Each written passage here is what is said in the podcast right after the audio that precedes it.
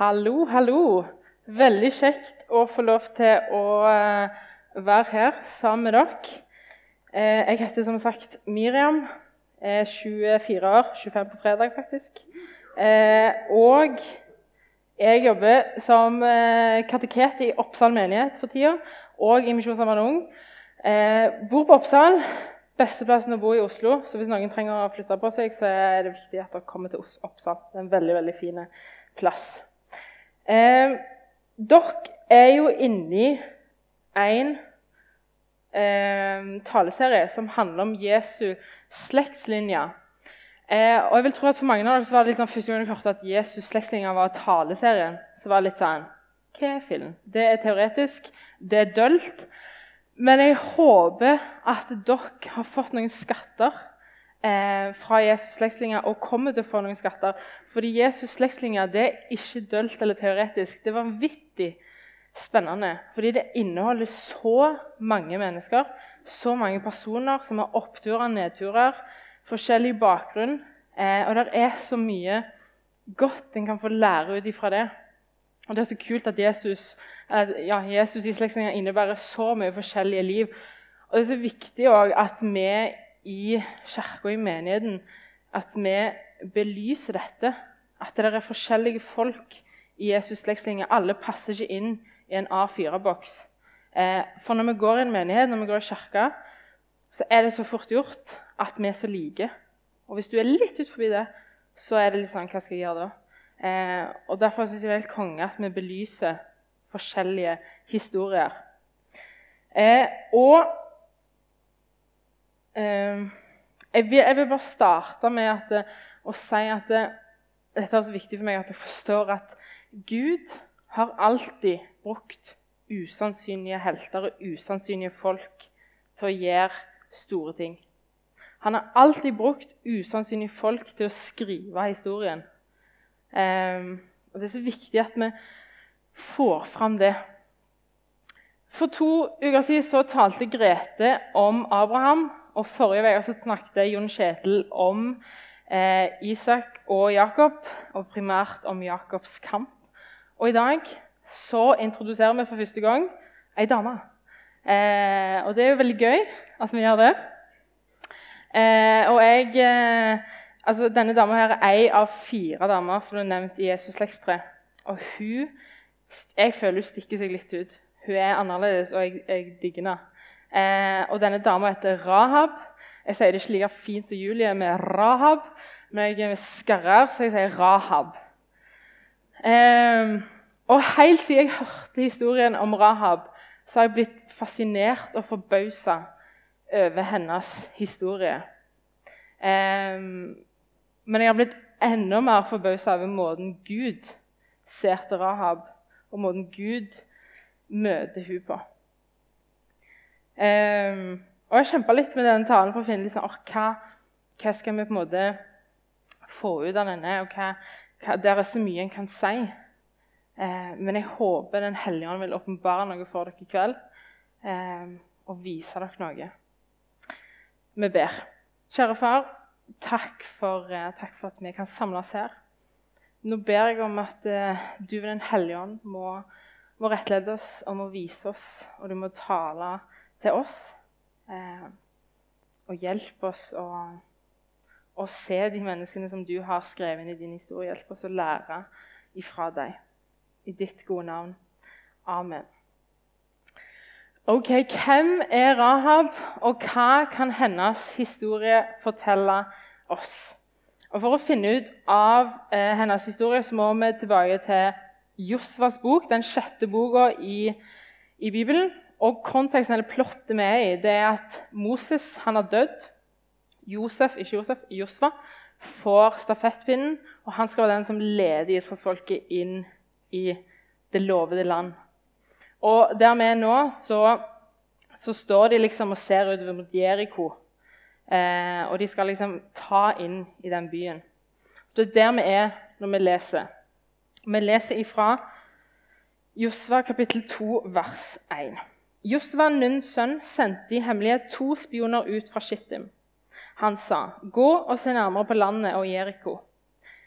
De gikk da av sted og tok inn i huset til en prostituert kvinne som het Rahab. Der fikk de overnatte. Her møter vi altså Rahab, en kananesk kvinne som bor i Jeriko. Eh, og Jeriko er en by som er kjent for sin avgudsdyrkelse. Eh, men her bor altså Rahab med sin utvida familie, med foreldre og med søsken.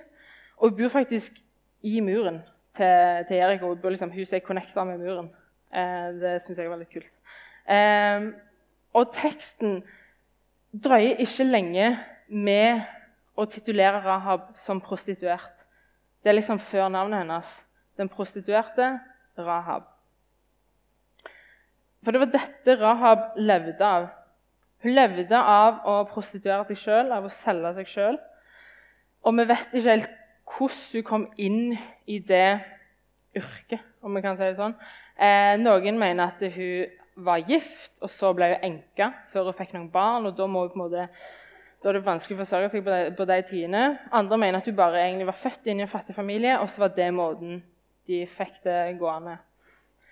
Uansett hva det var, så er det tydelig og høyst sannsynlig at det var vonde omstendigheter, det var desperasjon og det var fattigdom som førte Rahab inn i det yrket og i den livsstilen. Og La oss bare stoppe litt der. For det er så fort at når vi leser om folk i Bibelen, så er det litt sånn Ja, hun gjør det, hun gjør det. Og så glemmer vi at dette er ekte mennesker. Mennesker som meg og deg, som har en historie. Dette er noens datter, dette er noens søster. Oss bare vente. Hvordan var dette for Rahab? Tenk å være prostituert og være tvungen inn i det. Hva kjente du på? Hva bar hun på? Um, hvordan ble hun behandla?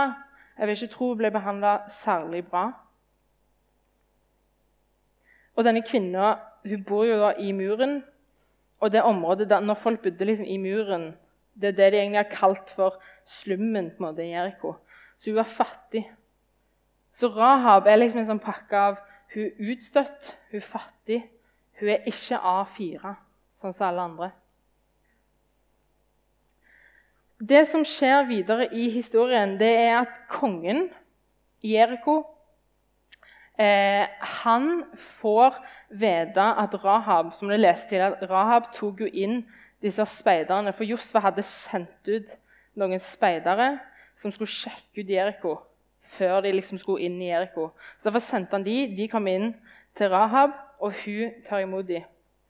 Men kongen får vite det. Eh, og så sender han noen menn til Rahab, og så står det før de, mennene, før de mennene som har kommet til deg og har tatt inn i huset ditt, for de er kommet for å utforske hele landet.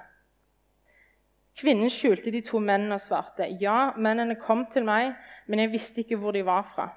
Ved mørkets frembrudd, da byporten skulle stenges, gikk de ut, og jeg vet ikke hvor de gikk.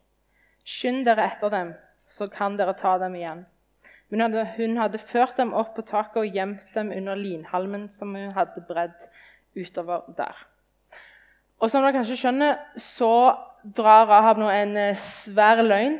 For hun har jo faktisk ennå disse spionene hos seg. De har ikke gått vekk, de.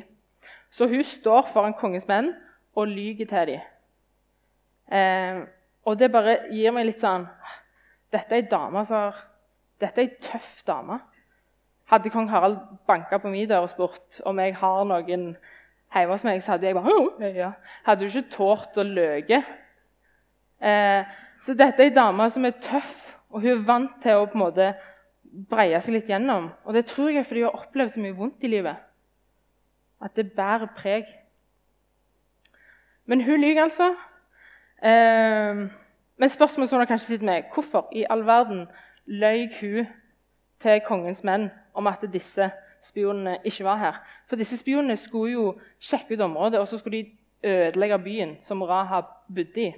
Så hvorfor gjemte hun de? Og svaret det får vi i en frimodig tordentale på en måte, eh, fra Rahab etter hun har sendt vekk kongens menn. Så går hun opp til spionene, og så sier hun dette her. Jeg vet at Herren har gitt dere dette landet, og at frykten for dere har falt over oss. Alle som bor i landet, skjelver for dere. For vi har hørt hvordan Herren tørka ut vann i Sivsjøen foran dere da dere dro ut av Egypt, og hva dere gjorde med de to amorittkongene på den andre siden av Jordan, Sihon og Åg, som dere slo med bann og utslettet. Da vi hørte det, smeltet hjertet vårt bort, og vi mistet motet av dere. For Herren, deres Gud, er Gud både i himmelen der oppe og på jorden her nede. Sverg nå ved Herren at dere vil vise godhet mot min familie, siden jeg har gjort godt mot dere. Gi meg et troskapstegn på at dere vil la min far og min mor, mine brødre og søstre og alle i deres hus få leve, og berge livet vårt fra døden. Her er jo ikke akkurat Rahab heller veldig vag eller forsiktig. Hun er veldig frampå og veldig direkte. Eh, hun forteller at alle i Eriko skjelver av Israels gud pga. alle miraklene som han hadde gjort. Og som jeg sa, så var Jericho en by som hadde andre guder. De drev med avgudsdyrkelse. Så de, når de hørte at Israels gud han gjør store ting, så ble de kjemperedde, for det gjorde ikke deres guder. Ehm, men det vi ser her, er at Rahab, til tross for de andre byen, hun erkjenner at spionenes gud er den virkelige guden. Den virkelige guden i himmelen og på jorda. Hun sier jo at det, for Herren deres Gud er Gud både i himmelen der oppe og på jorden her nede. Rab hadde hørt det som Gud gjorde, og det vekte noe i henne. For et, når folk får et møte med Gud, så er det ikke nøytrale svar. Da er det, da er det litt enten-eller. Og Rahab hun er sånn OK, dette er den virkelige Gud. Han er stor, han er mektig. Og Hun velger derfor å kaste seg ut i å bønnfalle disse spionene om at det, la meg få leve. Og Hun bruker til og med Guds personlige navn, som er Javé. Og det var et navn som på en måte israelittene visste om. Så dette er et personlig navn, så noe tyder på at hun kjenner Israels Gud. Um, og Dette er grunnen til at hun tar imot spionene, for hun vet at dette er hennes sjanse til å bli redda.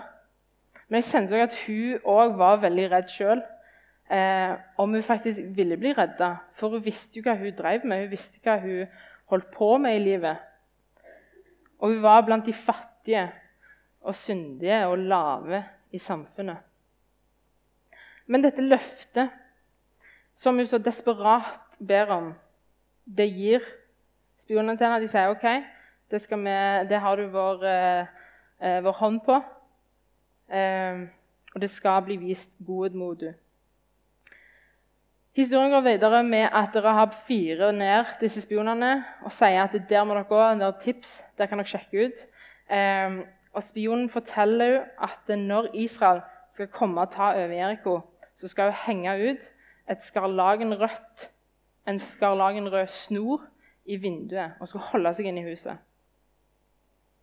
Og Så hopper vi videre til Josva kapittel 6.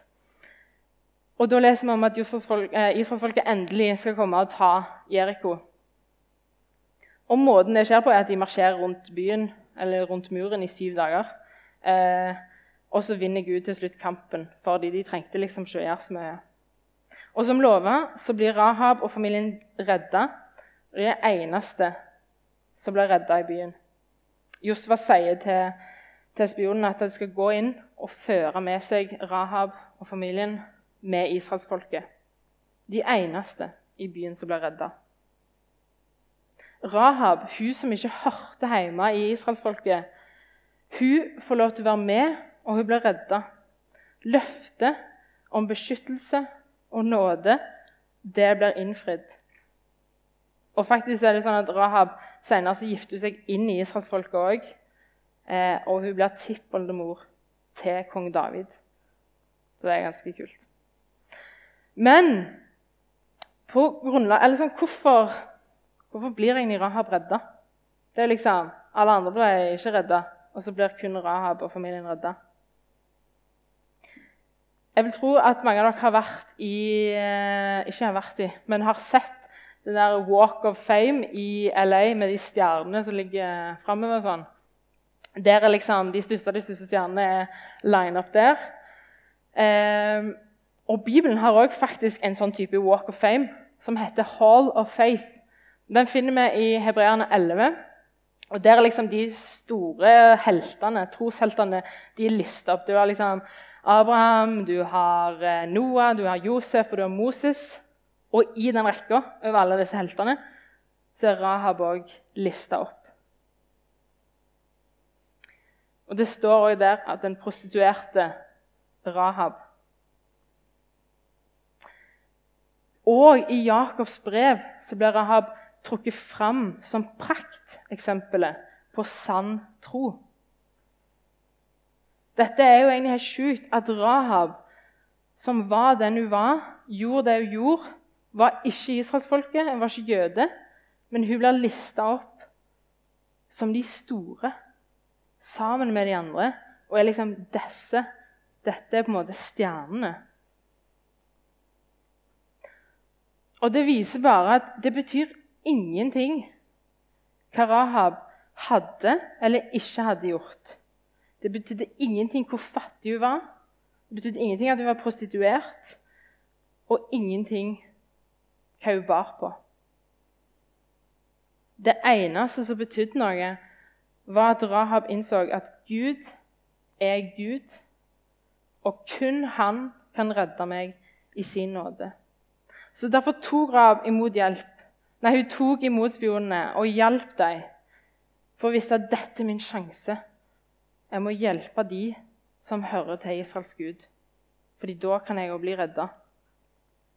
Og Ved dette så viser hun en sånn gudsfrykt og en tro, en hel overbevisning om at Gud er Gud. Så Rahab hun gikk egentlig fra å være altså Hun gikk fra den dypeste vannære som fattig, som lav i samfunnet, satt på bakerste rad til den høyeste ære på fremste rad. Hun blir løfta opp. Og det jeg, så, det jeg, skal si nå, det vil jeg tro at dere har hørt mange ganger før. For de av oss som gjerne har vokst opp i en kristen familie eller har vært kristne lenge, vi har hørt dette mange ganger. At det kommer, det er bare å tro, og det er nåde. Men vi må virkelig forstå det. Det er helt ekstremt at det er kun ved tro og ved nåde at vi blir gitt den æren som vi blir gitt. Det betyr ingenting hva vi har gjort. Og Selv om vi har hørt det mange ganger og det går på automatikk, så må vi prøve å la det synke inn hva dette betyr. Jeg heter Nancy Guthrie. Hun sa eh, noe i sammenheng med, med en tale om Rahab. Så sa hun Salvation comes to those who risk everything on the word of God being true. Salvation comes to those who rest completely in the mercy of God being shown. Frelse kommer til de som hviler totalt at Guds nåde vil bli gitt. Og Rahab hun bare måtte kaste seg inn i dette, hun måtte hvile i dette. Og dette er en sann tro. Men det som likevel slår meg aller mest i Rahab sin historie, og det som møter meg og berører meg mest, det er måten Gud møter Rahab på. For den store ironien er jo at eh, Josva sendte to spioner for å sjekke ut området for å legge en slags militærstrategi. Men når det kom til stykket, så var det Gud som gjorde alt. Så han trengte ikke noen militærstrategi. Han trengte ikke å vite noe. En mann som heter James Boyce, han sa det er rimelig å anta at spionene ble sendt. Altså Gud sa til Josva at han skulle sende spioner for å redde Rahab, og ikke bare for å hente informasjon. Josva trengte ikke informasjon om Jeriko. Det han trengte, var organiseringa for å redde Rahab og hennes familie. Josva trengte ikke informasjon om Jeriko. Det han trengte, var organiseringa for å redde Rahab og hennes familie. Gud i sin godhet lengter etter Rahab, søker etter Rahab, jakter etter Rahab. Det var ikke bare Rahab som lengta etter Gud og søkte han, men Gud gjorde det òg sjøl. Han sendte spionene for å, for å, organisere hvordan hun kunne bli redda. Og det, det rører noe stort i meg, at Gud gjør det. Noe som jeg har slitt lenge med, eller gjorde før òg, og gjør det ennå til tider. Og jeg tror at mange ennå, eller andre òg, tenker eh, i disse baner. Eh, og Det sørger meg at dette er liksom en sånn oppfatning som mange har. Det at Gud i Gammeltestamentet streng og sur, mens Jesus i Nytestamentet snill og god. Og Det er bare så trist at det liksom er greia vi tenker. For det, det, det tror jeg er feil. da. Gud har alltid, siden dag én, vært kjærlig og nåderik. Og Jesus var ikke en annen Gud. Jesus var jo Gud. Så Gud har aldri forandra seg. Jesus har bare gjort Gud synlig. Og Den naturlige holdningen til Gud er ikke pekefingeren, men det er åpne og nådige armer. Og Gud i møte med Rahab eh, Han vet jo hva hun gjør, han vet jo hva hun er, men han bryr seg ikke om det. Han vet òg hva hun skammer seg for, men han bryr seg heller ikke om det. Og vi har alle skam. Eh, vi har ting vi ønsker å skjule for Gud, selv om vi vet at han egentlig ser det. Men vi ønsker likevel å holde det litt sånn nært. Ehm, men det som vi leser videre i denne rekka over alle trosheltene, så står det at eh, Gud ikke skammer seg over å bli kalt deres Gud, men han er deres stolte Gud. Gud skammer seg ikke over å være Rahab sin Gud. I fjor vår var jeg eh, jeg var eh, i USA en måned og var på sånn praksis i en organisasjon som heter Young Life, som driver med utadretta ungdomsarbeid blant ungdommer som, som, ikke vanligvis kommer inn i kirka. Eh, og så satt vi på et stabsmøte, og så hadde det kommet inn en melding, en slags sånn bekymringsmelding til lederen i det området, hvor det sto litt sånn Denne gutten, denne ungdommen driver med det og det og det. Vil dere assosieres med han? Vil dere på en måte knyttes med han? Og så kommer det momentant fra ei i staben der bare sånn Hæ? Så klart vil vi det. Det er jo de vi har mest lyst til å henge med. Det er de vi vil assosieres med. De som ikke er de A4-folka. Og det er sånn jeg tror Gud òg er. For Gud skammer seg ikke over å være assosiert med Rahab, men han viser stolt fram. Og han kaller seg gladelig den prostituertes gud. Og dette folkens, dette er kjernen i evangeliet.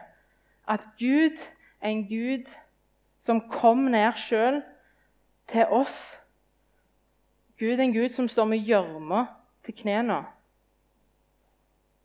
Han er ikke en Gud som bare er fjern han kom for at vi skulle kunne kaste all synd og skam på ham.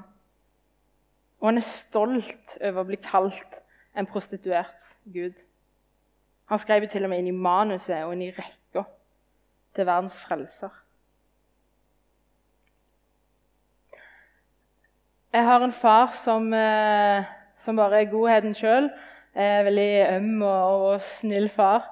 Og hver gang jeg, eller ikke hver gang, men ofte når jeg sender meldinger med han eller ringer til han, selv om jeg bare sier sånn 'hallo', så er han liksom en gang der. Jenta mi. Selv om jeg er 25 år snart, så er jeg litt sånn ennå jenta mi. Og han er så stolt over meg, og han, han er så glad i meg. For han er en far som elsker meg. Og det gjør at jeg òg føler meg elska og akseptert. Og jeg ser så for meg at eh, Gud, når han så på Rahab som far, så sto han der og så sa han, 'Det der er jenta mi. Det der er min datter. Hun er min.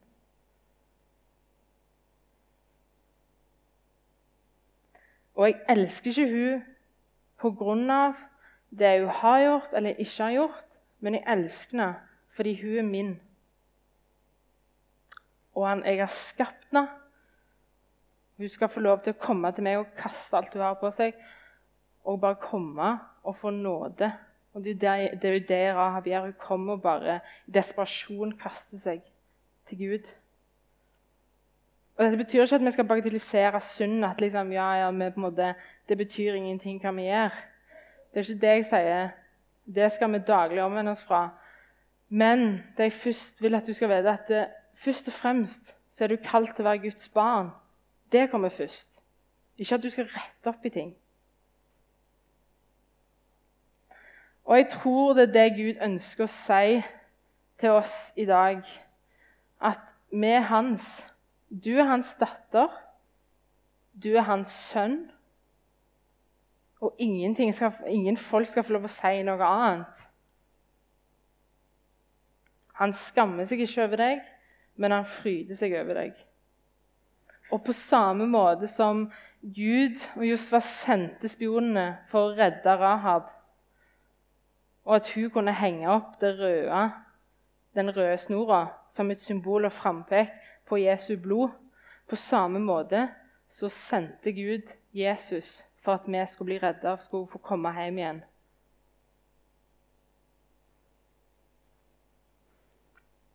Så høyt er vi elska. Og ikke pga. hva vi har, eller hva vi ikke har gjort, men fordi vi er hans. Kjære far, takk for at du kaller oss dine barn. Takk for at vi får lov til å komme til deg og kaste alt vi har av synd og skam, eh, og legge det framfor deg, og så gir du oss nåde og gjenopprettelse i svar. Eh, jeg ber om at vi skal klare å se det, at vi skal klare å skjønne hvor stort det er. Helligånd, Hellige kom og vis oss vår synd sånn at vi kan frimodig gi det til deg. I ditt gode navn. Amen.